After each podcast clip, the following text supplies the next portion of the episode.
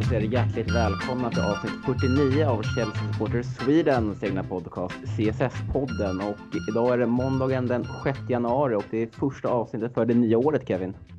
Det är det och vi är ensamma idag. Mr Matte gav inte oss något klart svar så att det, ni får stå ut med oss två idag bara.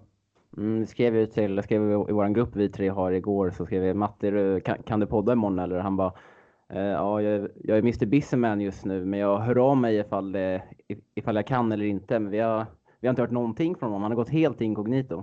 Ja, nej, men så är det ju med, med män som har skördat framgång. De brukar ju glömma bort de egentligen eh, hårt arbetande människorna som har burit upp honom till den han är idag. Mm, så är det. Men ett nytt år Kevin, hur har, det, hur har de här sex dagarna varit för dig? Ah, fy fan, det har varit slitet alltså. Det har, eh, nu ska man inte sitta och säga att man har gjort massvis med grejer, men dagen efter nyår är ju alltid som den är. Och sen så känns det som att man behöver några dagar för att komma in i rytmen igen. Och första gången idag gick jag upp tidigt för en gång skulle jag typ sovit till 11 nästan varje dag. Nu gick jag upp för en gång skulle halv åtta och det var jävligt tidigt för mig alltså. Ja, du skrev ju till mig här, jag vaknade upp också vid nio, så skrev du, vart är agendan någonstans? Jag bara, men fan jag vaknar precis, kan du chilla lite? Ja, nej men det är det jag menar, jag vet inte, jag måste komma tillbaka till rytmen igen. Men eh, jag gissar på att du också hade ett festligt nyår i, du var i Stockholm va, eller Mm, jag kom hem till Piteå igår igen, så jag har precis gjort mig hemmastadd där uppe nu och eh, ska ta våren med storm som man säger. Hemskt att du definierar Piteå som hem, men jag köper det absolut. Ja, men det blir fint hem. Jag är ju, jag är ju registrerad här uppe nu. Så, men ja, ändå skönt att vi, i alla fall att du, jag kanske inte har så mycket att klaga på, men att du, du att du kan sitta här och klaga nu när inte varken Matte eller Don är med. De brukar alltid ta upp det. Åh pojkar, ni har det så jobbigt. Ja, ja, nej, men nu får vi gnälla på hur mycket vi vill. De där jävlarna, de lever lyxlivet med barn och hus och allt möjligt. Sitter vi i våra sketna lägenheter. Ja, ja, men hur som helst så senast vi spelade in så var det med Jonna här precis innan nyåret och eh, det var enligt både dig och mig ett av våra bästa avsnitt hittills. Ja, nej, men verkligen och kul också att få någon typ av om, om vad ska man säga, någon, någonting nytt liksom. Det kan ju vara lite tröttsamt att kanske bara lyssna på oss och matte och sådär och jävligt kul att få med någon som, eh, som verkligen lever den dröm vi sitter och pratar om. Eh, så att jag tycker det var jävligt kul att få höra från henne och hon är en verkar vara en jävligt god, god människa liksom och sjukt trevlig och nej, men det var, det var ett eh, kul avsnitt liksom. Mm, så är det utan henne eller de andra fotbollsspelarna i hela världen så hade vi suttit här och surrat om ingenting. Ja, men precis. jag vill också passa på att tacka för all fin respons vi fick på det avsnittet. Det har inte varit något avsnitt som vi har pumpat ut som har fått så många reaktioner på sociala medier. Vi tror vi översteg 75 likes när vi la upp i CSS-podden-gruppen. Jonna spelade på sina sociala medier och eh, Ja, det är, och med väldigt fina kommentarer från, från er lyssnare. Och eh, det är ju något som stärker oss och som vi som gör det roligt för oss att sitta här och podda. Ja men definitivt. Nu är hon ju en del av podden. De kommer komma tillbaka och lovat oss. Så att, eh, vi får mm. se till att boka innan igen. Mm. Vi återkommer till henne när det börjar hetta till lite här i eh, Women's Super League och FA-cupen som vi är inträdde i och, och så vidare. Men Kevin, vet du vad vi missat helt? Jag berätta. Podden fyller faktiskt ett år för två dagar sedan, den 4 januari. Det var då Donny pumpade ut det första avsnittet. Så att det jag gör nu är alltså att pilotköra lite grann för att se om, om, om det funkar, om jag har kunskapen som jag försökt liksom googla mig fram till för att spela in på. Åh fan, det visste jag inte. Fan, det känns, men du har ju ändå varit med från första början kan man ju säga. Jag kom in efter kanske ett halvår eller något sånt där. Ja, men du var ju en trogen lyssnare det året va? Ja, det var jag. Fan, jag var riktigt trogen. Jag pumpade på med frågor varje gång. Blev lika besviken varje gång min fråga inte kom med heller. Så att nu är jag en del av det istället. Mm, ja, absolut. Och, eh, men vi får helt enkelt säga grattis nu istället. Ja, grattis. Jag har en eh, grej jag vill också ta upp nu. För mm. normalt sett brukar du alltid starta podd med att säga att ja, det här är avsnitt bla bla bla. Nu är det här avsnitt 49. Jag har mm. tagit reda på vem som bar siffra 49 på sin matchtröja. Vet du vem det kan vara? Um, du får ledtrådar om du vill ha. Men, uh, ja, så det är helt, helt omöjligt att ta utan ledtrådar. Jag, du, du, skrev till mig i förmiddags eller vad, att ja, idag vill jag köra, köra tröjnumret och kolla inte mm. upp. Och sen dess har jag gått och tänkt på vem som kan ha bärt nummer 49 Chelsea. Jag har faktiskt inte kommit på mm. någon, så jag kommer behöva lite ledtrådar här. Ja, men vi börjar enkelt. Han har varit utlånad sex gånger. Tillhör många... inte klubben idag. Det är många spelare i Chelsea som varit utlånad sex gånger. Exakt, så vi börjar med en svår ledtråd. Eh, vi kan ju avslöja mer att han är britt. Han är britt. Någonting säger mig att det kan vara kanske en Josh McEachran. Inte Josh McEachran. Eh, ganska, ganska bra svar ändå. Men han är runt 30-årsåldern idag, spelar ytter. Mm. Eh, vilka, eh, sex klubbar, men vilken klubb såldes han till till slut? Oj, nu har jag inte kollat exakt. Jo, Swansea är det. Swansea. Mm. Eh, Spelat i Aston Villa, City. Ja, ja eh, eh Sinclair. Scott Sinclair, ja. Scott Sinclair, ja. Ja, precis. Ja, bra. Mm, ja, men tog den då efter 4, 5, 6, 7, 8 ledtrådar? Ja, han bar en 06-07 gjorde fem matcher så det var inget större intryck, men uh, han var men hela man, klubben.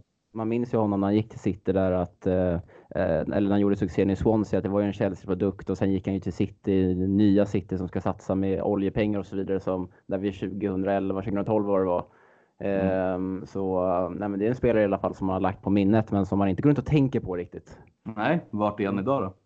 Uh, ingen aning. Jag minns bara att han floppade rejält i City och sen har jag typ tappat honom. Celtic? Celtic. Ja, Celtic, Celtic.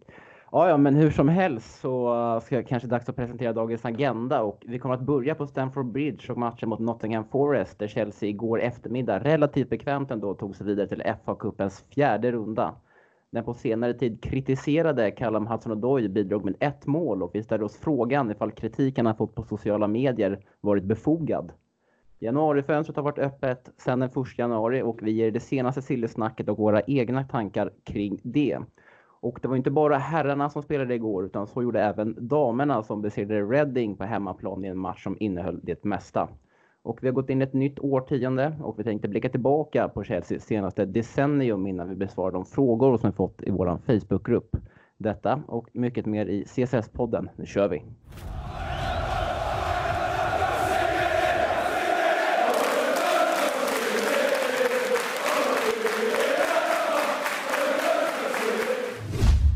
Ja, det blev ju seger mot Nottingham och Chelsea vidare till den fjärde rundan i FA-cupen som för övrigt lottas lite senare ikväll. Och se vilka Chelsea möter då. Men Kevin, det var ju en väldigt... Eh, ja, det känns som att två halvlekar som var lite två olika världar, eller vad säger du? Ja, nej verkligen. Jag tycker hela matchen generellt sett var väl lite mellanmjölk. Det är klart att det fanns inslag av bra perioder stundtals. Sen fanns det väldigt mycket sämre perioder och jag tycker ändå vi ska vara glada med att vi vinner med 2-0 med tanke på att Nottingham hade några VAR bortdömda eh, offsider och straffar och så vidare. Och eh, hade vi haft marginalerna emot oss som vi brukar ha så hade det nog inte stått 2-0 tror jag. Ehm, så att eh, jag generellt, jag lägger inte så mycket värdering i den här matchen, men jag tycker inte det var en jättebra match. Alltså helt ärligt från min sida. Vad känner du? Nej, jag känner också att det var lite som du säger, du, du satte ordet på det, mellanmjölk ett väldigt fint ord att sätta på den här matchen. Tycker mm. att första halvlek var väldigt bra, eller det var bra.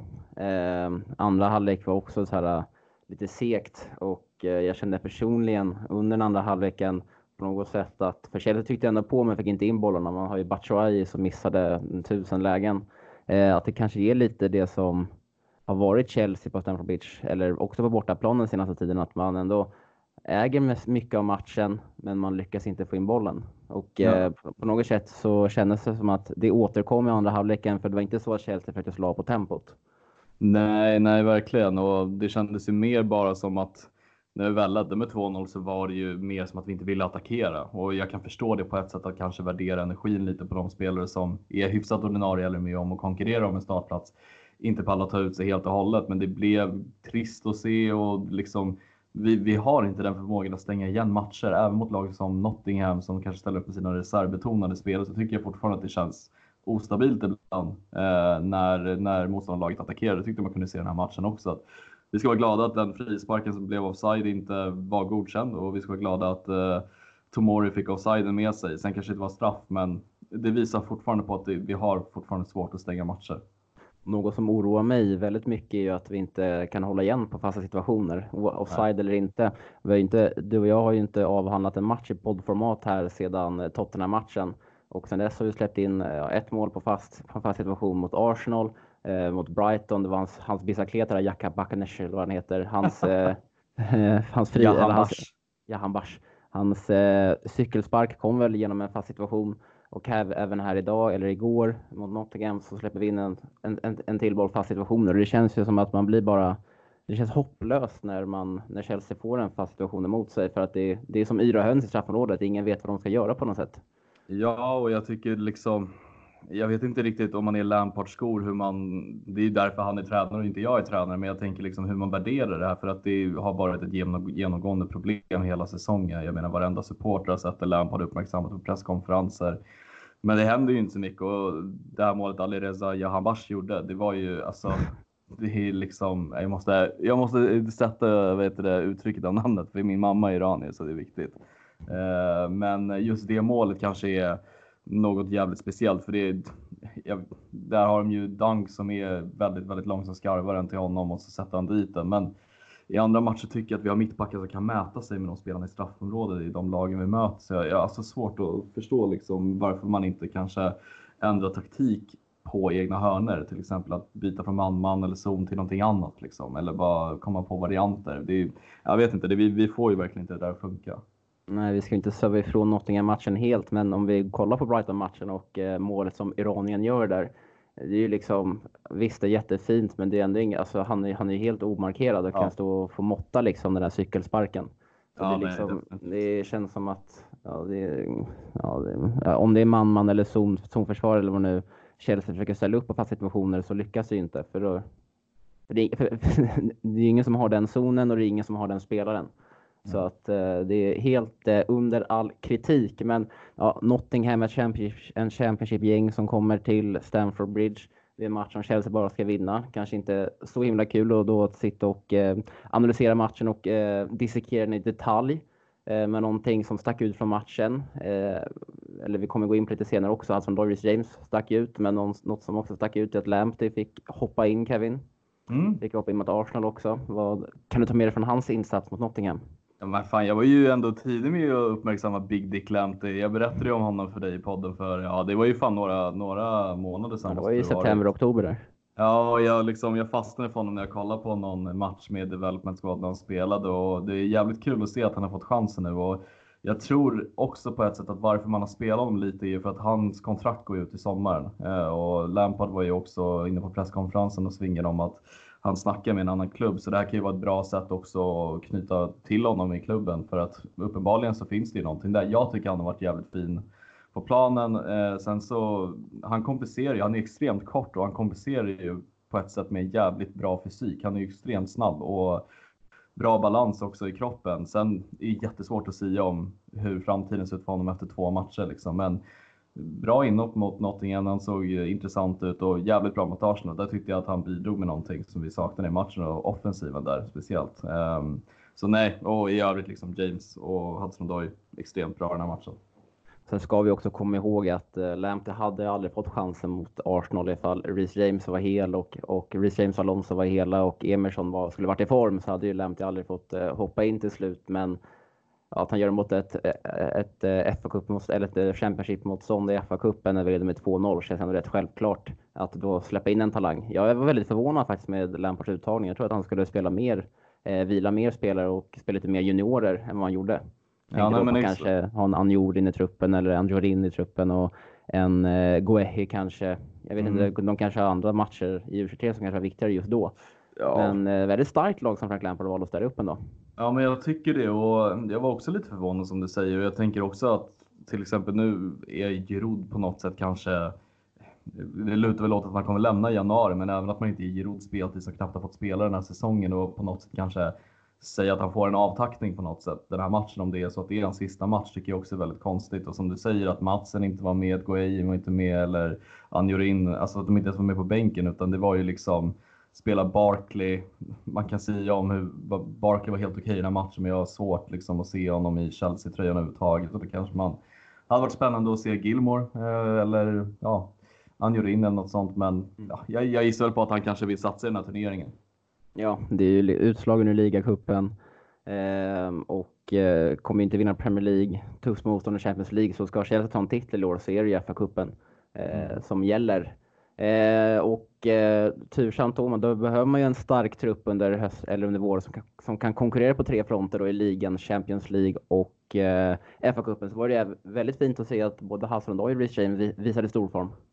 Ja, herregud. Alltså speciellt Hudson Odoi vet vi har ju, har ju det där i sig, men alltså hur dominant James var som högerback eh, var ju faktiskt jävligt fint att se. Alltså, han satte ju varenda inlägg och jag såg en statistik, jag har inte den i huvudet, man hade jättemycket take-ons och inlägg som var korrekta och passningar som var bra och brytningar och så vidare. Han var, han var nog matchens dominant tillsammans med Hudson Odoi. Det var ju en jävligt vass högerkant att se det tillsammans och kul att se deras samspel tillsammans också. Och jävligt skönt att få någon typ av mini-islossning för Hudson Odoi och jag tycker liksom båda målen var ju hans på. Det var ju Barkley som stötte in det men det var ju Hudson Odoi som jag tycker var den kanske som stack ut mest men jag tycker James var väldigt briljant den här matchen. Och eh, Nottingham Forest kanske är ett favoritmotstånd för Hudson-Odoi i FA-cupen. Han fick ju eh, spela där från start även under Sarri förra januari då han bidrog med två assist tror jag att det var, båda till, eller en till Morata i alla fall, när han var så mm. deppig där Morata. Tråkigt att se. Men eh, ja, hur som helst, jag kan bara stämma i. Alltså, jag såg på ett litet klipp, något ihopsatt klipp på två och en halv minut med eh, eh highlights med endast Reece James. Mm. Eh, och helvete, alltså då, då, alltså, man, man tyckte under matchen att oj, idag är han bra, idag är han riktigt bra. Men när man såg, fick bara se, bara kunde ha fokus på honom där sen i ett litet highlights-paket och såg man ju hur jävla bra han ändå var igår. Mm. Ja, nej, jag tycker att han har tagit så jävla stora kliv den här säsongen. Och, alltså mitt bett om att han skulle peta Spilicueta den här säsongen, det känns mer och mer realistiskt att åtminstone peta över Spilicueta till vänsterkanten med tanke på våra vänsterbackar. Och, mm det, jag, jag, ser att det är så svårt att hålla honom utanför startelvan nu för tiden, för jag tycker att han tar kliv för varje match han spelar. Och, också så här, ja, vissa snackar ju ner liksom att det var Nottingham Forest med många reserver. Man får ju komma ihåg också att Nottingham spelade ju också med ett jävligt reservbetonat lag. Jag menar, de hade en kille som hette Maiten längst upp på topp som var 17 bast. Och för övrigt tycker jag han var jävligt spännande att se den 17-åringen på topp i, på, i Nottingham. Han slet ju som in i helvete och fick ingen uppbackning någon gång. Och, det är därför jag tycker också med fast i hand att jag tycker vi borde fått dit minst 4-5 bollar. Alltså mot ett reservbetonat Nottingham i Championship. Det är, det är i alla fall min negativa slutsats av den här matchen på ett sätt. Mm, ja, men jag håller med. Uh, och uh, ja, Reece James han var verkligen värd att sätta några assist här på sitt, mm. uh, på sitt poängkonto med tanke på, som du säger, vilka fina långbollar han levererar på ständigt till ja, framförallt Batshuayi som uh, missade en del Eh, men om vi kollar på Hassan Boyd då, så var det väldigt skönt att se att han eh, verkligen gjorde det riktigt bra igår mot Nottingham. Eh, han har ju fått en del kritik på sociala medier de senaste månaderna. Eh, mm. Och det var också lite en liten saftblandare mellan Chelsea-supportrar. Några har tagit honom till försvar medan några, några har valt att kritisera honom. Var mm. står du Kevin eh, eh, i hans prestationer de senaste månaderna? Jag står som en skyddande vakt och försvarar honom för jag förstår, alltså jag förstår inte den här kritiken mot honom. Jag förstår att man kan bli besviken på typ kroppsspråket han har när han kommer in på planen och hänger lite med huvudet och att han ibland har varit ute liksom lite väl mycket media ibland och svingat. Men alltså den här snubben har liksom haft en svinsvår hälseneskada, kom tillbaka alldeles för tidigt. Vi ska komma ihåg att det här var ju typ i samband med Ruben Loftus-Cheeks skada och Ruben Loftus-Cheek har inte ens kommit tillbaka än medan Hudson Odoi har kommit tillbaka mycket snabbare. Um, jag, liksom, jag, säger, jag förstår inte hur man kan sitta och svinga mot honom att han inte liksom kommit in i det. Alltså, han har kommit in alldeles för tidigt. Han har ändå bidragit med assist i början när han kom tillbaka. Och det finns liksom folk som sitter och säger att ja, men Pedro borde få mer minuter. Det, det är ett mer liksom vettigare val att spela honom. Alltså, va, va, va, vem, varför ska Pedro gå före Hudson Odoi med tanke på det Hudson Odoi har visat förra säsongen, men även de briljanta aktionerna i början av den här säsongen. Det är klart att alla unga spelare har ju formdippar. Det gäller bara att ta sig ut, dem, ut ur dem så snabbt som möjligt. Jag tycker liksom en sån här cupmatchstart av dem där, jag tycker det är jättebra för han och han visar ju också i den här matchen att han är verkligen med och liksom vill konkurrera på riktigt. Jag såg någon tweet också om att eh, Jody Morris hade ju typ fått någon fråga av Kalle Mattsson att han vill börja se klipp liksom och analysera sina matcher och förbättra sig själv och det är sånt som jag liksom, jag känner ju att Hudson Odoi verkligen vill visa för alla Chelsea-supportrar att han är värd det här kontraktet han har. Mm. Eh, ja men det är liksom, jag delar den, den synen du har på honom också. Jag också står där som en liten skyddsängel för honom. Men jag kan fortfarande kan jag också förstå kritiken han får. Eller man, om man ser liksom till eh, hur hur lätt ändå är att kritisera folk nu för tiden eller spelare i, via sociala medier. Jag tror många har färskt i minnet det här med ja, men transfer, eh, alltså förra januari när han lämnade in transferbegäran, eh, ville, gå, ville gå till Bayern. Det var väldigt struligt vid sidan av under hela våren och sommaren. Vad ska man skriva på nytt kontrakt eller inte? Han får ett eh, riktigt monsterkontrakt nu i september med 120 000 pund i veckan eller vad det är. Eh, sätter, han höjer då löneribban då för till exempel Tammy Abraham just nu som förhandlar om ett nytt kontrakt, Reece James. De kräver typ lika mycket som Hudson Odoi. Då är det klart att folk lackar när, eller Hudson Odoi kanske inte då levererar när han kommer, när, när, när han kommer tillbaka på speltid nu.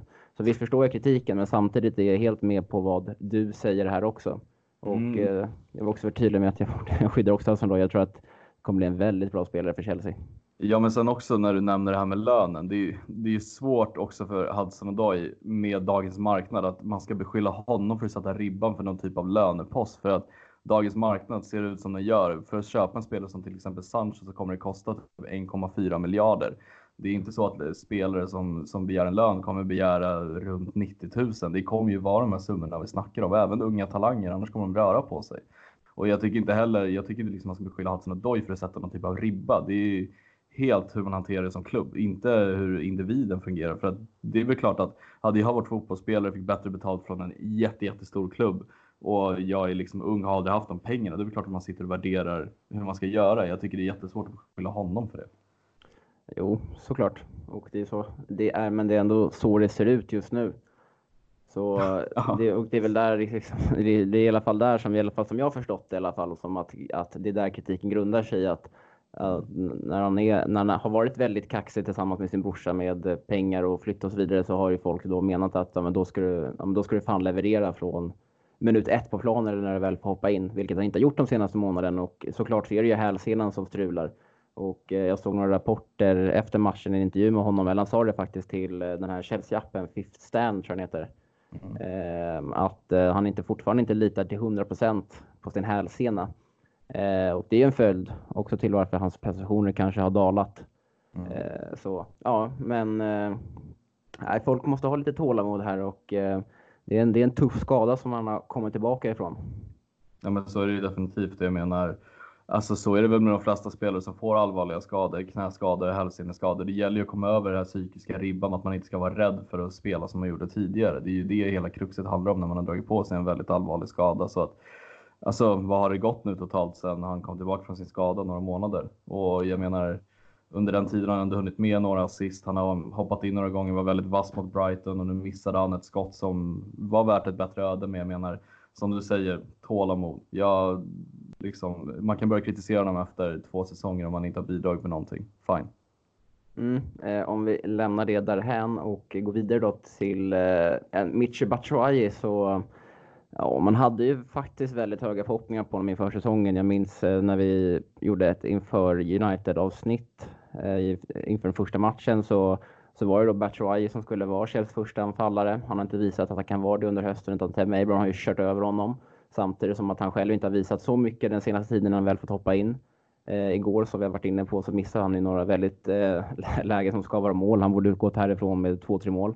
Eh, och eh, som vi vet så är han ju, han är inte helt på transfermarknaden, men det är mycket, mycket talar för att han kommer lämna. Och var det det sista vi såg av honom igår i Chelsea?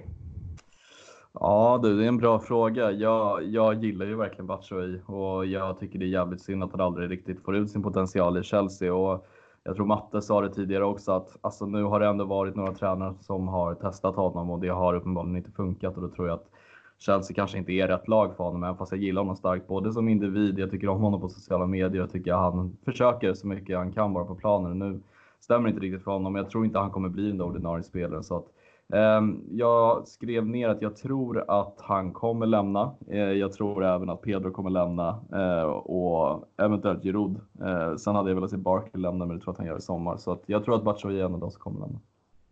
Mm, och de har, Frank Lampard har varit väldigt tydlig med, eller Jordan Morris var han som höll presskonferensen i Nottingham, så det är mest, de färska rapporterna kommer från honom och då sa han ju att eh, de kommer inte släppa varken Giroud eller Batshuayi förrän man får in en ny anfallare. Så, eh, men det verkar ju som att det jobbas väldigt hårt på den fronten, Kevin. Du, eh, du driver ju tillsammans, eller du och Matte Henriksson framförallt, som har drivit mm. den här silly season-spalten som vi kör nu på Svenska fans. Mm. Och eh, vad kan vi få in istället i så fall? Eh, nej men alltså det starkaste ryktet just nu, det har ju varit Werner Dembélé.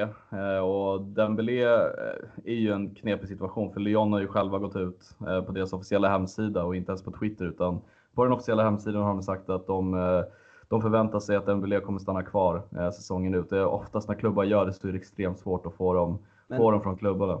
Gjorde de inte det också med typ så en Dombele i somras och Ferland Mendy till Real Madrid och så gjorde de väl samma sak med Eh, Fekir också, att de eh, är, brukar ju gå ut och vifta lite på sociala medier när det kommer rykten om deras spelare.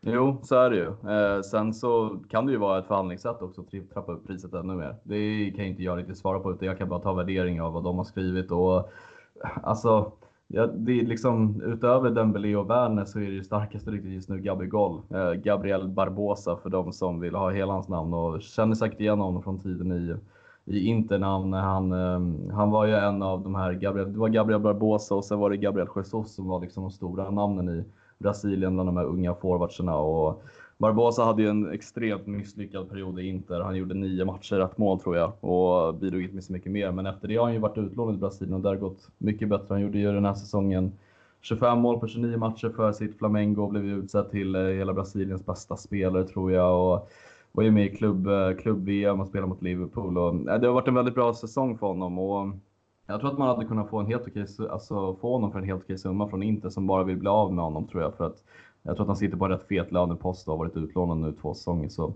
why not? Jag kan inte säga så mycket att jag har sett några matcher av honom. Eh, jag kan se klipp och han ser ut att vara en liten köttig beast och bra liksom komplett spelare. Kan spela ytter också. Verkar intressant. Sen vågar jag som sagt inte uttala mig så mycket mer om hur hans spelsätt är. Eh, sen så, de som det snackas mest om just nu, det är alla ABBA från Bayern München. Eh, som eh, verkar vara någon typ av ehm, lösning ifall det inte skulle gå att få Chilwell, vilket jag redan tror är omöjligt att få i januari. Och då är det så att det är panik för Lampard så verkar det vara Alaba som verkar vara det första valet just nu. Eh, sen så tror jag också att det är ett rykte och det är ett silly-rykte som man får ta med en nypa salt. Men why not? Alaba har ju alltid varit beryktad som en av världens bästa vänsterbackar. Sen har inte han kanske blivit så bra som han förutspådde. Han har varit jävligt skadebenägen, fått flytta runt mycket positioner. Han spelar ju tia tror jag i Österrikes landslag och sådär. Men jävligt intressant spelare. Sen, det här är ju... Men det känns som att det inte kommer hända. Alltså, Nej, helt alltså, Nej, alltså just, jag, tror så här, jag tror mer på Gabigol än Alaba. Alaba har väldigt svårt att se Bayern München släppa in när vi ska möta dem till exempel. Ja, exakt. Och sen, han är väl ändå så pass bra att det inte är en spelare som man eh, kan tänka sig göra av med under, under ett januarifönster när man jagar i ligan samtidigt som man ska Nej. möta den klubben i Champions League också. Det verkar ju helt eh, befängt eh, agerande av Bayern München i så fall. Ja, nej men exakt och det man kan liksom, man får vända och vrida på det man vill. Han har ett kontrakt som går ut nästa sommar och han har oftast eh, fått vikariera som mittback. De har ju köpt den här Lucas Hernandez från Atletico Madrid som oftast brukar köra vänsterback istället. Så ja, man kan liksom twista det hur man vill till att han kanske inte får spela där han vill, bla bla bla. Men eh, jag är rätt säker på att Alaba inte kommer vara i Chelsea i alla fall i januari och inte till sommaren heller tror jag. Gabigol, alltså det är många källor som faktiskt går ihop om det. Så att jag, why not, tänker jag också. Mm. För jag tror Dembélé och Werner ja. är svåra att lösa. Ja, exakt. Det känns väldigt realistiskt med tanke på att det känns som att eh, Chelsea har haft en lista över potentiella anfallare och det känns som att Werner varit högst upp, Dembélé tvåa och sen har ju då Gabigol antagligen varit trea. Och Werner fattar vi, han kommer inte lämna till 99 procent känns det som. Det är ju ett eh, Leipzig som leder Bundesliga som ska ta sig an Tottenham i en Champions League har Arnit själv sagt också att han vill eh, att han verkligen köra, stanna kvar den här säsongen i Leipzig, vilket är förståeligt. Eh, Dembélé, ja, Lyon har gått och förnekat det nu, men som vi sa så kan, det ju, kan de svänga rätt fort beroende på vad de skriver på sin officiella hemsida.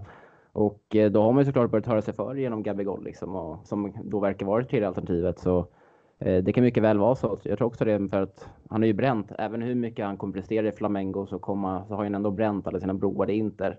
Och mm. Han kommer såklart vilja ta sig tillbaka till Europa. Mm. Så, så det, känns ju väldigt realistiskt. Ja, men också vem skulle han peta in till? Lautaro Martinez eller mm. Lukaku? Mm. Han skulle troligen få spela tredje fjol. Sen också det man kan tillägga också att det är att den brasilianska ligan har tagit slut nu för säsongen. Så att kan ju vara så att också att han kommer ju över direkt liksom och har ändå rätt mycket matcher i sig. Mm. Eh, ja, men det känns i alla fall om man ser på den senaste tiden så är det i alla fall en anfallare som det har ryktats mest om. Mm. Eh, det känns väl logiskt med tanke på Giroud och att Batshuayi inte tar chansen och Abraham kan ju inte han kan ju inte bära hela den positionen på sina axlar under en våren. Skulle vi få en skada där då med Batshuayi och Giroud eh, som andra och tredje alternativ då känns vi rätt rökta i det mesta faktiskt. Så en eh, anfallare så eh, verkar vara på väg in. Sen eh, är det något nytt på en, en spelare som vi har en, suttit här i podden och velat få in i yttermitt, yttermittfältspositionen så är det ju Sancho och Wilfred Zaha. Är det något mm. nytt kring de lirarna? Ja, det har ju gått ut uppgifter nu om att Sancho ska kosta runt 140 eh, så att då, då 140 miljoner då eh, och eh, eh, det, det som kruxet är ju att det, det är så jävla mycket pengar och jag skrev det till dig även idag att jag, jag, jag vågar nästan slå fast här och nu. Jag tror Sancho inte kommer komma till Chelsea. Alltså jag har den känslan i kroppen att jag tycker dels att det är dumt att splasha ut alla de pengarna på en sån ytter som har spelat i en och en halv säsong och varit bra. Och med det sagt, han kommer säkert bli en fantastisk spelare. Men jag har svårt att se liksom klubbar som United, Real Madrid, Barcelona om de skulle börja rycka i honom. Jag, jag tror ju att han kommer gå till dem, de klubbarna före oss. Oavsett så kommer han inte lämna i januari. Skulle nej, nej, han väl komma till Chelsea så är, under januari så är det så att ja, vi kanske kan köpa honom. Men sen kommer vi säkert låna ut honom under våren. Samtidigt såg jag lite rapporter här också nu innan vi började spela in på Twitter. Jag kommer inte ihåg vilka källor, men att Chelsea inte är beredd att betala det som krävs för honom. Mm. Uh, och sen förstår jag liksom inte om Dortmund ändå inte kommer släppa honom i januari. Varför, varför ska han ens krida på för någon klubb och sen lånas ut? Han kommer ju kunna välja och vraka i sommar. Ja, det... det är det jag menar. Och det jag slog ett slag för är att jag tror inte han kommer spela i Chelsea överhuvudtaget. Jag tror inte han kommer i sommar heller för den delen. Mm. Alltså jag skulle nästan inte heller vilja lägga alla de pengarna på Sancho. Helt ärligt. Eh, innan vi rundar av Silly-snacket då. Eh, Wilfred Zaha, något nytt på den fronten? Ja, alltså det är väl, det florerar lite fram och tillbaka. Att, eh, han har ju bytt agent till, eh, jag kommer inte ihåg hans förnamn, men ett Sahavi i efternamn och han har ju väldigt bra kontakt med eh, Abramovic. Och det har ju spett på ryktena ännu mer om att han har eh, anställt den här agenten för att kunna fixa en övergång till Chelsea. Sen får man lägga värdering i hur sant det är eller inte, men det är väl lite intressant. Eh, och Ja, det, jag tror att det är mer procents chans att Zaha kommer till Chelsea än Sancho. Ja, ja, och sen vet du fortfarande tidigt in på transferfönstret. Man vet ju att det är, just nu de sitter och dealar här och men sen när tiden börjar bli lite knapp, när vi kanske närmare halva januari har gått och vi går in mot slutspurten, då kommer ju liksom folk ge med sig lite mera. Då kanske Crystal mm. Palace eller vilka det nu är Chelsea kommer värva ifrån kommer ändå backa lite och ändå acceptera den summan som ändå Chelsea vill betala för en spelare. Så det är, just nu är det så här, vad säger man, inte katt och råtta-lek liksom, men det är, mm. det är lite, ja, det är en liten lek just nu och det är klart, det är väldigt förståeligt för man vill ju få ut så mycket pengar som möjligt ur en av sina bästa spelare. Jag tror så här, om vi ska sammanfatta det lite kort innan vi går vidare. Jag tror att Zaha och Gabigol kommer bli klara för Chelsea och jag tror att Giroud Batshuayi kommer lämna och jag tror Pedo lämnar gratis. Mm, då får vi se ifall det, ifall det är så det ser ut. Ja, får se. Eh, när vi stryker ett streck över transferfönstret här i 2 februari kanske stängt, eller är det 31 ja, januari?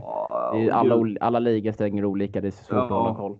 Jag tror Men, att det är något sånt. Hur som helst, vi får i alla fall se vad Chelsea kommer få in här i januari. Du vet väl om att du kan bli medlem i CSS? Via vår sida på Svenska fans kan du läsa om hur du blir det och vilka förmåner det ger. Så gör som 800 andra och bli medlem du också.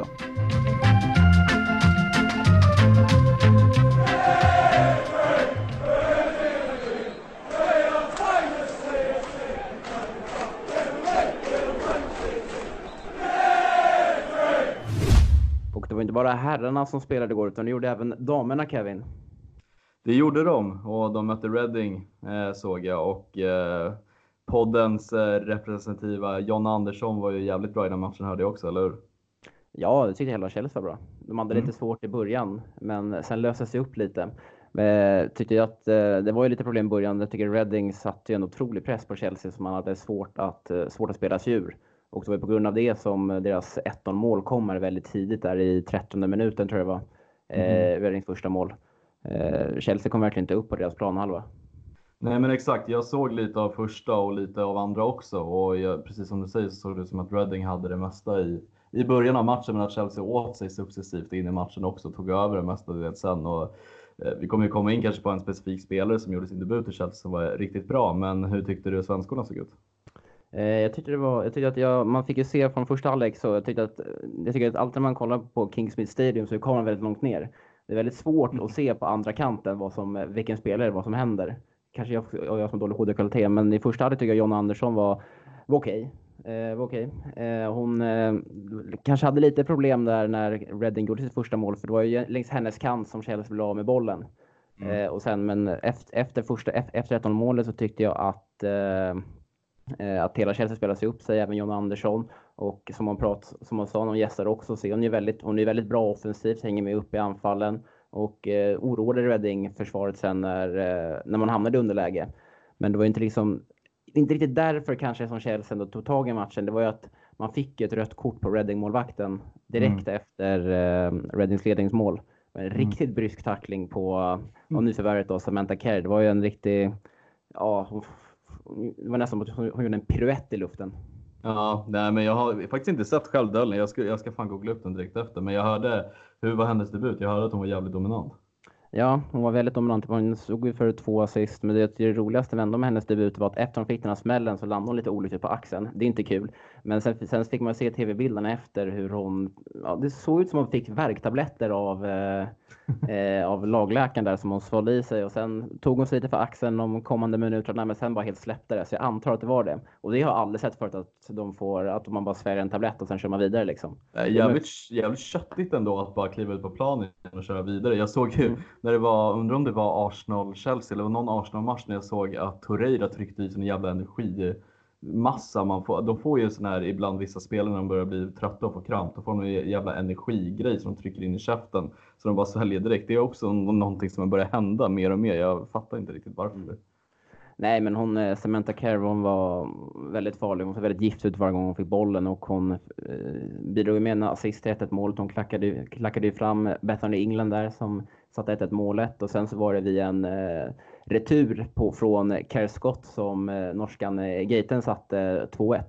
Mm. Och eh, sedan, sedan blev hon utbytt. Men det var ju väldigt, en väldigt lovande debut. Och, ja. eh, det är en av världens bästa anfallare som Chelsea fått in där. Ja, nej verkligen. Jag var ju faktiskt, det var faktiskt jag som var ute och skrev det i Svenska fans också att jag kollade på hennes målfacit. Det var ju helt sinnessjukt i mm. hennes tidigare klubbar. Alltså så jävla mycket mål och så många titlar, alltså individuella titlar hon har vunnit. Så att det känns som att Chelsea verkligen, alltså det är ett riktigt statement med den värvningen från Chelseas sida. Verkligen. Eh, men Chelsea vann i alla fall matchen med 3-1 och man är fortsatt obesegrad då i Women's Super League. Men man är ändå några poäng bakom Arsenal och City eftersom att man har en match mindre spelad. Eh, men efter matchen Kevin så snackade du lite med John Andersson. Ja men verkligen, eller verkligen. Jo men absolut det gjorde jag. Jag eh, hörde av mig bara för att kika läget lite och hon, hon sa själv att hon var lite segstartad men eh, jag kan ska vi relatera direkt till henne. Hon sa specifikt var lite segstartad men jag tycker jag kom in i matchen mer och mer ändå. Och jag tycker det du beskriver stämmer verkligen överens och jag tyckte man kunde se det i matchen också. Att jag kan tänka mig efter nio år, man är lite eh, halvsegstartad och så vidare och det tar ju lite tid att komma in i det. Men jag tyckte också att hon eh, successivt steg. Så det, det, är kul att hon fortfarande har kontakt med oss även efter ett avsnitt. Ja, ja, det var ju så trevligt när hon var här. Mycket trevligt. Mm. Och eh, vi fick, eftersom vi fick väldigt bra, eh, bra respons på avsnittet så har vi tänkt nu att eh, lansera lite mer Chelsea Women i CSS-poddarna framöver och avhandla deras matcher lite också. Mm. Definitivt. Definitivt. Men hur som helst. Och eh, jag kan även notera där att eh, eh FA-cupen då för, för eh, damerna lottades också idag och eh, Chelsea kommer möta Charlton i den första matchen. Mm. Om vi ska kolla lite på Chelseas decennium, mm. det här 10-talet. För det, nu när vi blev 2020 så har ju 10 år gått och då är det lika med ett decennium. Och eh, om vi snabbt, inte snabbt, men om vi ska kolla tillbaks lite vad som hände mellan 2010 till 2019 Kevin. Vad har du för eh, vad var favoritminne först och främst om du får exkludera CL-finalen? Får man, eh, får man snacka lite om matcherna innan CL då? Eh, innan CL, vad menar du? Eh, ja, alltså på, väg, på vägen. till exempel. Ja, absolut. Ja, nej men för mig måste det ändå vara när Torres avgjorde på Camp Nou. Eh, det är nog ett av de starkaste minnena för mig med tanke på hur, eh, hur liksom nedsnackade vi var och med tanke på hur matchen såg ut med utvisning och så vidare och vilket lag Barcelona hade tänker jag främst på. Eh, jag tänker liksom på att det måste ju vara ett av världens bästa lag genom tiderna de hade med Iniesta, Xavi och Busquets när de alla var i sitt esse. Och um, för mig liksom att se Torres avgöra den matchen, springa ut mot hörnflaggan, glida på knäna och jubla och Lampard kommer efter i någon skön grabbhög. Det, det var faktiskt bland de, bland de finare minnen jag kom på under det här decenniet. Sen finns det ju säkert flera, flera minnen, men just det, det har verkligen edgat sig på min näthinna i alla fall. Eh, just den här krigarinsatsen, det är, det är bland, det, bland det bästa jag upplevt i min eh, svaga 25 års, eh, mitt svaga 25 års liv. Snart 26 år liv. Mm. Själv då? Eh, det är liksom, jag satt och funderat lite här. Det är två som jag känner lite så spontant som, alltid, som jag alltid återkommer till. Jag älskar säsongen när Chelsea vann ligan under Conte. Jag älskade Conte och jag älskade hur vi... Ja, några få taxeförändringar, hur, hur, hur mycket det kan göra egentligen. När vi ändå bytte till en 3-4-3 där och eh, fick 13 raka eh, vinster och sen går vi in i ligatiteln och Conte, man, hur, hur, eh, hur mycket amfetamin han gick på längs sidlinjen och fick med sig hela publiken och hela laget. Och verkligen här, det var verkligen köttar-Chelsea på något sätt med Diego Costa som en riktig Eh, alltså som en Costa och Terry där liksom som spjutspets på något sätt liksom som anammade Conte visade på sidlinjen på planen och eh, det var krig varenda match på något mm. sätt. Men något som sticker ut för mig det är ändå på något sätt ett klipp som jag alltid går och kollar säkert på Youtube ett par gånger i månaden. Det är eh, när Frank Lampard blir Chelseas mesta, mesta målgörare genom alla tider. Den här, när han gör två mål bort mot Aston Villa säsongen 12-13 är det, tror jag. Ja, mm. eh, våren 13 där. Och eh, man ser, när man ser hur han gör det här målet, det, två, det är det som tar honom som ensam eh, målgörare där. Det, man ser så här, hans blick, hur tom han är, liksom, han fattar liksom inte vad som sker. Och sen har man den här, och just det här klippet, det är så här Hall of Fame-låten i bakgrunden och det är magiskt.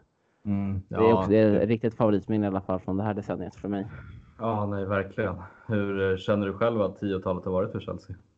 Eh, men det har ju ändå varit väldigt framgångsrika. Alltså om man ser tillbaka så många titlar vi vunnit så har vi tagit tre, tre PL-titlar, vi har vunnit FA-cupen tre gånger, vi har en ligacup, vi har en Champions League-titel och två Europa League-titlar. Så mm. det har väldigt ett, äh, varit ett väldigt framgångsrikt äh, decennium. Kanske dalat lite. Det har haft sina berg och dalbanor liksom, men om man kollar på det i sin helhet och bara och jämför Chelseas troféskåp med andra Premier League-klubbar så är vi ju toppen där. Mm. Så jag ser mest bara positivt. Mm. Nej, men jag känner väl lite likadant. Jag känner ju också att det varit en rejäl liksom, berg och dalbana. Eh, för jag tänker ju liksom Ancelotti vinner ligan 09-10, kommer tvåa året därpå.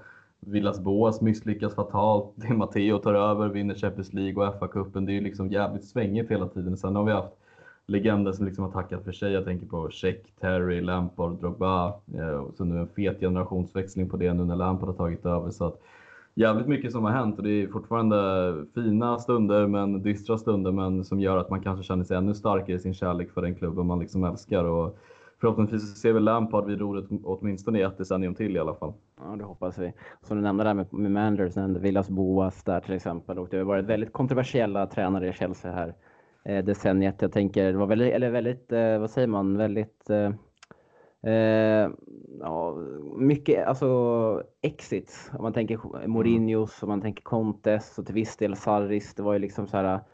Ja, det var ju väldigt infekterat i alla fall på något sätt. Ja, nej, men det har inte varit med kärlek de har lämnat klubbarna. Nej, precis. verkligen inte. Jag kommer ihåg att Conte stämde ju Chelsea där när han lämnade att eh, på något sätt att han någonting med parkeringsplats för att göra. När han var så jävla bitter typ så att han inte hade, hade fått parkera på sin eh, riktiga parkeringsplats under våren eller vad det var och eh, det stämde han för och det var, nej, det var, det var sjukt. Ja, nej, Men, eh, om vi ska få ta ut en, eh, ett decenniets elva Kevin. Mm. Det var lite rolig, rolig, Ja, mm. kör. Sorry. Vill du göra det gemensamt eller ska vi båda upp varsin så kan vi argumentera lite? Fuck no, jag vill ta ut min egna. Jag vill ja, inte hålla på att välja med dig. Jag har redan fan tagit ut den. Jag tänker, jag kör ju taktik och allt möjligt så jag har kört en 4-1-2-1-2 uppställning. Du vet den här klassiska... 4-1-2-1-2. Precis, ja. du vet den här klassiska italienska laguppställningen man brukar ha. Mm. Det är lite mer centrala mittfältare. Jag tog ut backlinjen som jag tycker är kärlek. Det är Ivanovic, Terry, Cale, Cole. Eh, och så har vi check i mål såklart. Mm. Ska jag gå in Sen med min där eller ska ja, vi? Ja, kör. Vi kan köra backlinje och målvakt. Mm. jag har exakt samma backlinje och målvakt som dig faktiskt. Jag satt ja. där och tänkte lite så här, men Cole, Aspelikueta. Alltså Cole, han var ju väldigt, han var, vann ju, han vann ju CL-titeln. Vann en, vann en Premier League, var ruskigt bra där. Jag började dala lite där när året efter Aspelikueta kom. Och hade egentligen sin ordentliga peak på 00-talet där. Mm. Eh, men fan fan vad bra han var cool. Det är ju fan Premier League bästa ytterback någonsin. Ja, men alltså ser du till de topparna han hade så Ja, har ja. jag svårt att se några vänsterbackar idag nå lika höga toppar som han Nej. gjorde i jämnhet på formen också. Nej, men problemet är ju bara att det här, det här visar han ju upp framförallt på 00-talet och sen tog han med sig det Mm. lite in i 10-talet. Det är det som gör att man kan argumentera för Aspelekueta som ändå är våran kapten och har vunnit jättemycket med Chelsea under sina 7-8 år i klubben. Även fast man kanske, även fast inte haft kanske de extrema höjderna som Ashley Cole har gjort så har han ju varit en, en väldigt lojal spelare som har bidragit till många fina titlar. Mm, ja, nej, men tyvärr Aspi kommer inte in i den här elvan utan jag tycker Big Ass Ivanovic ska ha högerkanten för sig själv och Cole på andra. Men om vi ska röra oss in till mitt eh, centrala mittfält så har jag tagit ut Lampard, Kanté och Fabregas faktiskt. Ja, jag är så jävla tråkig så jag har exakt samma. Va? Har du de tre också? Jag har faktiskt Kanté, Lampard och Fabregas. Åh herregud. Ja, Men, men, det, är också- känns som att Kanté och Lampard är givna. Ja, Fabregas hade- kan man argumentera lite för. Det kan man verkligen göra. Jag, hade, jag satt och tänkte om jag ska ta in SCN istället. Eh, Men... men Var, inte- han var väl fan inte bra i Chelsea under 10-talet? nej, men alltså, jag räknar inte bara in specifikt under själva först, nej, första året på 10-talet. utan Men jag vad fan, det är ju det det handlar om det här ju. Fast du måste ju väga in mer än så. Deras Nej. karma, deras liksom aura, hur de var som personer också. Men fine, okej, vi kan väga in säkert andra mittfältare i det hela. Du kan ta Matic när han var som bäst, bla bla bla. Men jag tycker Kanté är för mig given. Lampard behöver inte ens diskutera om han kommer vara given för mig också. Men jag tycker Fabregas hade en helt annan dimension som mittfältare i Chelsea som inte finns på samma sätt idag. Eh, och vi kan snacka upp, du och jag, hur mycket vi tycker om eh, Jogge och Kovacic liksom som individuella spelare. Men just de här långbollarna Fabregas kunde slå, diktera ett spel och diktera tempo under matcher och den liksom auran av på ett sätt ett ledarskap han hade. Jag tycker det är fantastiskt bra spelare. Riktigt underskattad spelare i sina bästa dagar alltså. Ja, ruskigt bra. Minst hans första säsong i Chelsea, han var ju briljant. Kommer du ihåg den här passningen mot Burnley? Ja, ja, premiären där. Den är Ja. helt sjuk. Bland de sjukaste assister jag faktiskt Mm. sett. Eh, Så att, nej, det, är- de tre är ju skrivna. Det verkar ju som att du håller med mig där i alla fall. Ja, alltså Fabregas, alltså, jag vill bara fylla i lite. Han var, blev ju också den här, han, blev ju den här ledaren till slut också. Mm. Den här Arsenal-produkten som till slut blev en ledare i Chelsea. Han var ju en riktig gentleman på något sätt. Ja, det, ser- verkligen. Väldigt tråkigt eh, farväl när han lämnade eh, i januari förra året. Mm. Han, är- han, han, man hade ju velat ha kvar honom längre. Men han var ju ute efter mer speltid. Sarri var ju väldigt tydlig med att han ville ha kvar Fabregas, men det var han som ville lämna till slut. Och det är Ja. förståeligt. Han har inte så många år kvar i karriären och, och inte vill, då vill han klart inte sitta bänk.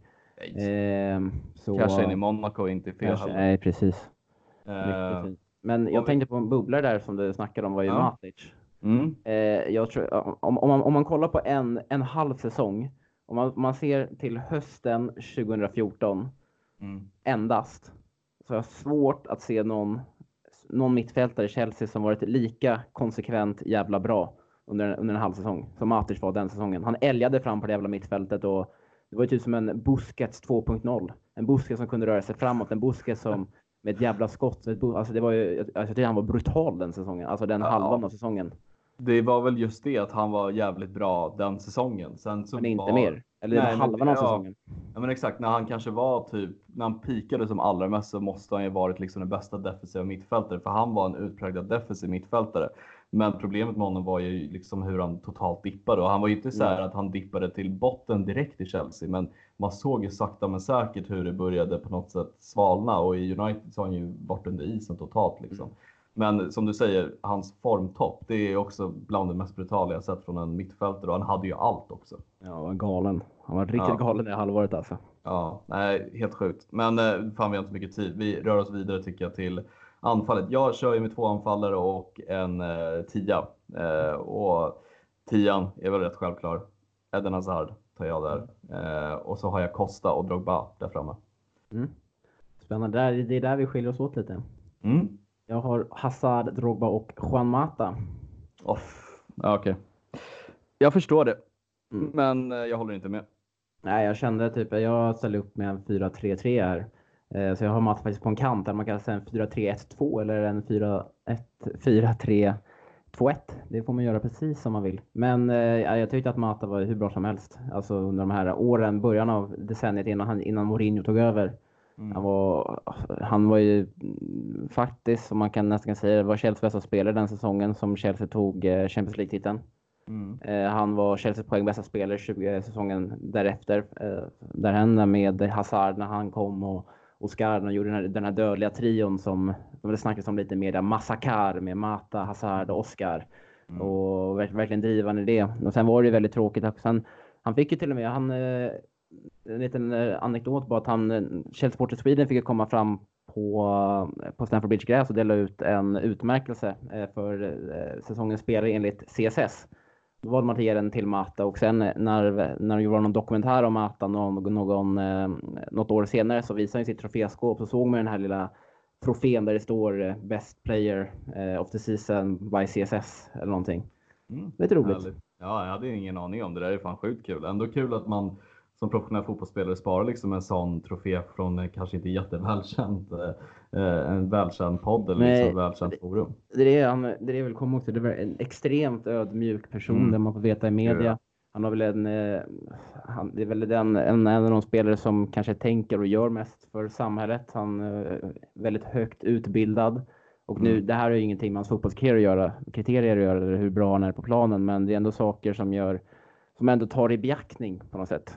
Såklart, och jag har läst mig till att han verkar ha, alltså som du säger, var väldigt intelligent. Jag förstod det som att han lärde sig engelska på väldigt, väldigt snabb tid liksom och väldigt ödmjuk på något sätt. Många bilder med honom när han liksom tar alltid tid att hälsa liksom på rullstolsbundna som sitter på matcher eller liksom hjälper till i olika foundations och vad fan kallas det? Eh, ja, det är i alla fall folk som har det svårare liksom och jag tycker alltid att man ser honom utåt vara en väldigt fin människa. Men eh, här finns det också, man kan argumentera om jättemånga offensiva spelare. Jag menar, vissa kanske vill ta in William, inte jag, men eh, det finns ju kanske folk som tycker det, eller Oscar. Det finns ju många offensiva spelare som har varit väldigt bra i Chelsea, men jag tycker Costa som jag tagit ut tillsammans med Drogba, jag tycker Costa bidrog med någonting Chelsea inte riktigt har haft. Vi hade liksom den här riktiga jävla retstickan där framme som, alltså må så vara, jag förstår varför man som inte Chelsea-supporter hatade honom. Eh, jag, hade, jag har ju liksom två, två storebrorsor som håller på Gunners och alltså det var så mycket hat jag fick höra om, om Costa titt som tätt. Men jag kunde liksom stoltsera och bara, men alltså okej, okay, säg en svaghet han har som fotbollsspelare. Han gör mål på allt, på alla olika sätt. Han är stark, han är snabb, han är bra i djupled, han är rivig, jobbig. Alltså det är exakt en sån spelare man vill ha i laget. Jag tyckte han, han tillförde en sån jävla dimension liksom efter, efter vi hade liksom haft det svårt att ersätta Drogba där uppe. En fantastisk spelare. Mm. Ja, jag har faktiskt han på min lista som bubblare och satt och tänkte på vem ska jag Alltså vem i den här trion vill jag peta liksom? Men med tanke på ändå Matten, det var framträdande i väldigt bra säsong, vann Champions League. Och så, så föll han på det och sen Drogba kan man inte, det går inte att peta. King. Kungen nej. kan man inte peta liksom, nej, det går det... inte. Ja, oh, gud fina Drogba. Så, jag har inga att lägga på. Ja, Diego Costa skulle i alla fall, Diego Costa skulle i alla fall min, mina, hade varit mina 12 och 13 spelare. Mm. Jag, jag såg att, du nämnde William där också, jag såg att han blev ju i Chelseas, eh, när Chelsea slutade den omröstningen på sin, via sin app, så blev ju William inröstad där. Eh, mm. var det väl William, Drogba och Hazard där framme tror jag. Mm. Så, också en 4-3-3 då. Mm. Så uh, det verkar som att fanbasen ändå har uppskattat Williams år i Chelsea hittills. Definitivt. Uh, om vi bara får ta ut, det här kan vara lite kul, uh, decenniets coach. Oj, Chelsea. Oj, oj, oj, oj, oj. Vem coachar ditt drömlag? Mm, Villas Boas. Nej men, uh, fan ska vi ta? Ja, men jag får nog säga, alltså hade Mourinho inte varit som han varit och det slutade som det slutade hade jag nog sagt Mourinho, men jag skulle nog idag säga Conte. Jag, jag är kanske inte lika helt förälskad som du är i Conte, vilket jag har märkt, men just den här tränaren som också visade sån äkta eufori och aura och glädje när ett lag gjorde mål och taktiskt smart också, jävligt underskattad taktiskt. Mm. Alltså fantastiskt bra tränare. Så Antonio Conte hade jag nog sagt. Mm. Ja, jag, jag instämmer. Alltså, Conte är också den tränaren för mig. Inte bara för att jag gillar honom så jävla mycket som jag gör, utan det är framförallt också på hur, hur den där säsongen ändå blev med Chelsea. Och sen är, och under Chelseas svaga säsong då inom parentestecken, eller vad man säger, under situationstecken såklart, så, eh, så, så, var man ju, så vann man ju ändå FA-cupen med en säsong nummer två liksom. Mm. Så eh, det, var, det var väldigt två väldigt två år med Conte som hade önskat blivit lite längre. Jag hade hoppats att han hade stannat kvar längre, att det hade, blivit, hade löst sig mellan klubbledning och honom. Mm. Men eh, ja, som jag säger, man hade ju velat säga Mourinho den här, men det går ju inte. Det går inte. Nej, någon, där tar det faktiskt känslomässigt liksom emot att säga och som liksom vad han har gjort för Chelsea i all sin ära, absolut. Men sättet han blev på till sist, ja, det, det tar emot för mig i alla fall. Ja, men hur som helst så är i alla fall där min och Kevins två olika, men nästan lika, eh, Decennies 11.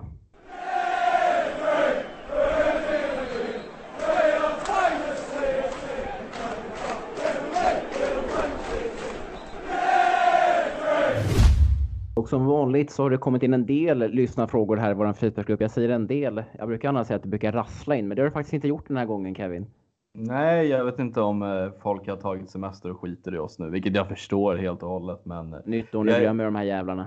ja, exakt de här jävla eh, målbrottstonåringarna som sitter och gafflar nördig fotboll. Nej, men det, vi har ändå fått in några frågor, vilket är jävligt Mm. uppskattande för oss. Ja, ja, självklart. Eh, och vi kan väl börja på direkten då så har vi en fråga från Robert Jonsson. Efter Hudson och Doys match igår ska han få starta på lördag och jag ska bara tillägga att på lördag möter vi Burnley.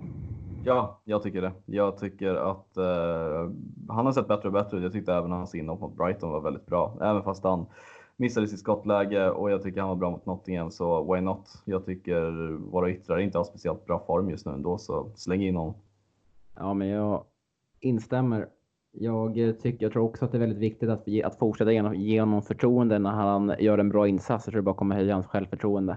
Eh, och någonting som han kommer kunna växa av. Så jag hoppas verkligen att vi startar med Hals von Doy på, eh, på ena kanten på lördag. Jag Absolut. ser gärna också att James spelar bakom honom. Hade varit Ja, intressant. Det hade varit Mm. väldigt fint. Mhm. Ehm, om Robin Aisit undrar, eller skriver, Irod lär nog dra till 100% så vad är chansen till att både Pedro och Batman drar nu? Borde vi behålla någon av dem?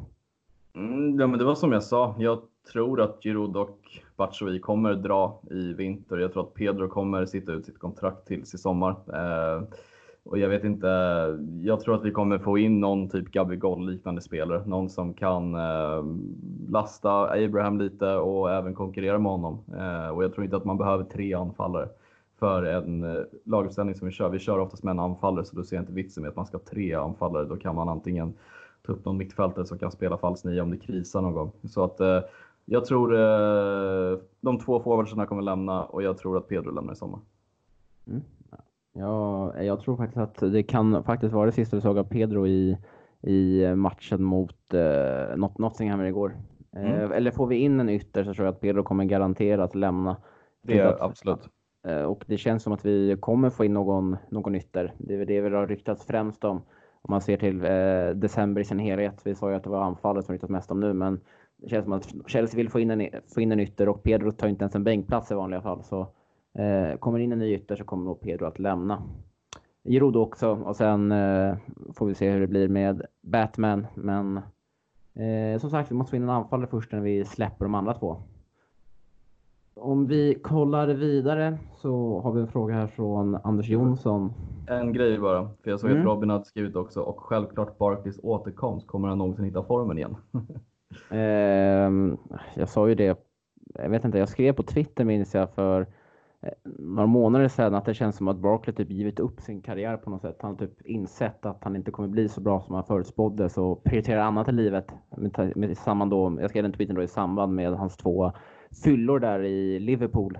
Mm. Eh, så jag tror, alltså jag tror självklart kommer han hitta tillbaks till formen, men vilken form då liksom? Till den mediokra formen han alltid haft eller till den formen han hade som talang i Everton liksom. Det, ja, alltså, Nej, jag håller med. Jag hade gärna velat se någon dra till eh, första planet till Stockholm, gå ut och dra lite absint med mig så är jag, så är jag nöjd. för jag ser inte varför Barkley ska vara kvar i Chelsea. mm, nej inte jag heller. Framförallt inte nu när Loftus Cheek börjar komma tillbaka också. Och Mm. eh, vi har ingen aning om när han kommer tillbaka, men han lär ju vara det här under februari eller mars eller april eller maj i alla fall hoppas vi på. Så eh, någon, någon gång under våren så att säga. Eh, men Anders Jonsson som undrar vad det är som gör att Chelsea-spelarna alltid har svårt att få någon som gör mycket poäng. Så refererar han då till Mané, Sterling, Aubameyang, Kane, Son, Salah med flera. Och att de alltid har varit ett ständigt hot och utger mycket poäng för sitt lag. Ja, vi hade ju en viss Eden Hazard som stod för mycket poäng. Vi har ju haft Costa som stod för mycket poäng. Eh, Vi har ju haft Drogba tidigare som stod för mycket poäng. Vi har ju haft spelare som gör mycket poäng, men vi har ju om man ser till den här säsongen, en fruktansvärt ung trupp. Vi har eh, spelare som håller på att slussa sig in i A-laget så att jag tror att det är svårt att liksom få alla spelare att bli eh, stora poängspelare direkt. Jag menar, det tog tid för både Mané, Salah, inte för Salah möjligen, men det tog tid liksom för alla tre att hålla den här konsista världsformen de har idag. Eh, det, det handlar ju om att man måste spela tillsammans längre och jag tror att det är svårt att hitta under en säsong, speciellt debutsäsongen för många. Mm.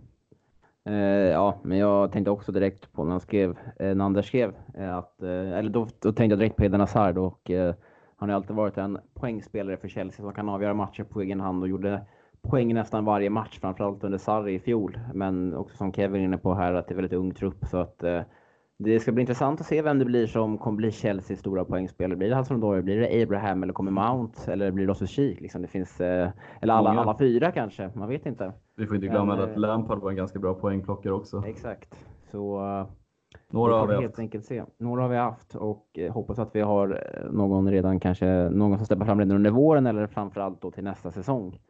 Eh, och det var de frågorna som eh, vi hade idag Kevin. Ja, du skulle uppa någonting nu, eller hur? Ja, men precis. Det är ju dags om man vill åka med eh, och eh, med på medlemsresan som CSS anordnar här i början av mars så är det dags att anmäla sig snarast. För deadline sker nämligen den 17 januari och det gäller då matchen mot Everton i början på eh, den 7 mars. Det spelschemat är inte helt satt än utan Premier League kommer att bekräfta det när vi slutet av januari. Eh, så är du medlem i CSS och medlem i True Blue så går det absolut bra att söka genom eh, eh, Chelsea Sport i Sweden. Och så, så kommer vi komma, komma ut med lite mer information när det börjar närma sig med lite mer event som kanske kommer ske där i London. Men hur som helst så kommer det bli hur kul som helst. Eh, och man får möjligheten då att resa tillsammans med eh, flera andra Chelsea-supportrar och eh, verkligen komma in i gemenskapen på riktigt fysiskt, inte bakom en skärm här i CSS-podden-gruppen. Och då får ni sitta och prata med Villa. Förstår ni hur drömmigt det är? ja, Kevin, ska du åka? Ja, det lutar åt det. Jag ska lösa lite deg. Fan, fattig, fattig student vet du. kommer den här klassiska ursäkten varje gång. Men eh, nej, absolut, det lutar åt att jag kommer följa med så ni får sitta och hänga både med mig och Villa. Ehm, så får ni se hur osköna vi är i verkligheten. Ja, absolut. Det blir hur kul som helst. Mm, sitta, och vara, sitta och vara osköna. Jag kan sitta i, i ett hörn på någon, på någon pub helt själv. Jag kommer inte sätta ord med varandra och sen bara... Nej. You're in for a treat liksom. Ja. Men eh, ja, och med det sagt så är det dags att börja runda av Kevin. Ja, det är det. Fan, det måste ju... Riktigt dåligt avsnitt rent verbalt från min sida idag och från din sida. Vi är lite ringrostiga så ni får ha det i åtanke att vi inte, vi inte är högsta hugg just nu. Ja, tack så mycket. Ja, varsågod. Det är absolut inget problem. Nej, men jag instämmer. Jag har också svår, väldigt svårt att hitta orden och det har ni märkt om ni har lyssnat ända hit att eh, det var någon gång man satt och tänkte lite och det blev några, eh. Men det är så det kan bli ibland. Det är ett nytt år. Eh, man kanske inte man kanske inte är ringrostig för det var ju ändå en och en halv vecka sedan vi spelade in senast. Man vet inte. Eh, men hur som helst, tack så mycket för att ni har lyssnat och jag får uppmana er att följa oss på sociala medier och på Instagram och Twitter där vi på Instagram heter Chelsea eh, Sweden understreck official och sen på Twitter heter vi Chelsea Swe och även såklart följa vårt arbete på Svenska fans där vi pumpar ut artiklar dagligen om vad som händer och sker kring Chelsea. Eh, och med det sagt så får jag önska er alla en trevlig vecka. Ciao.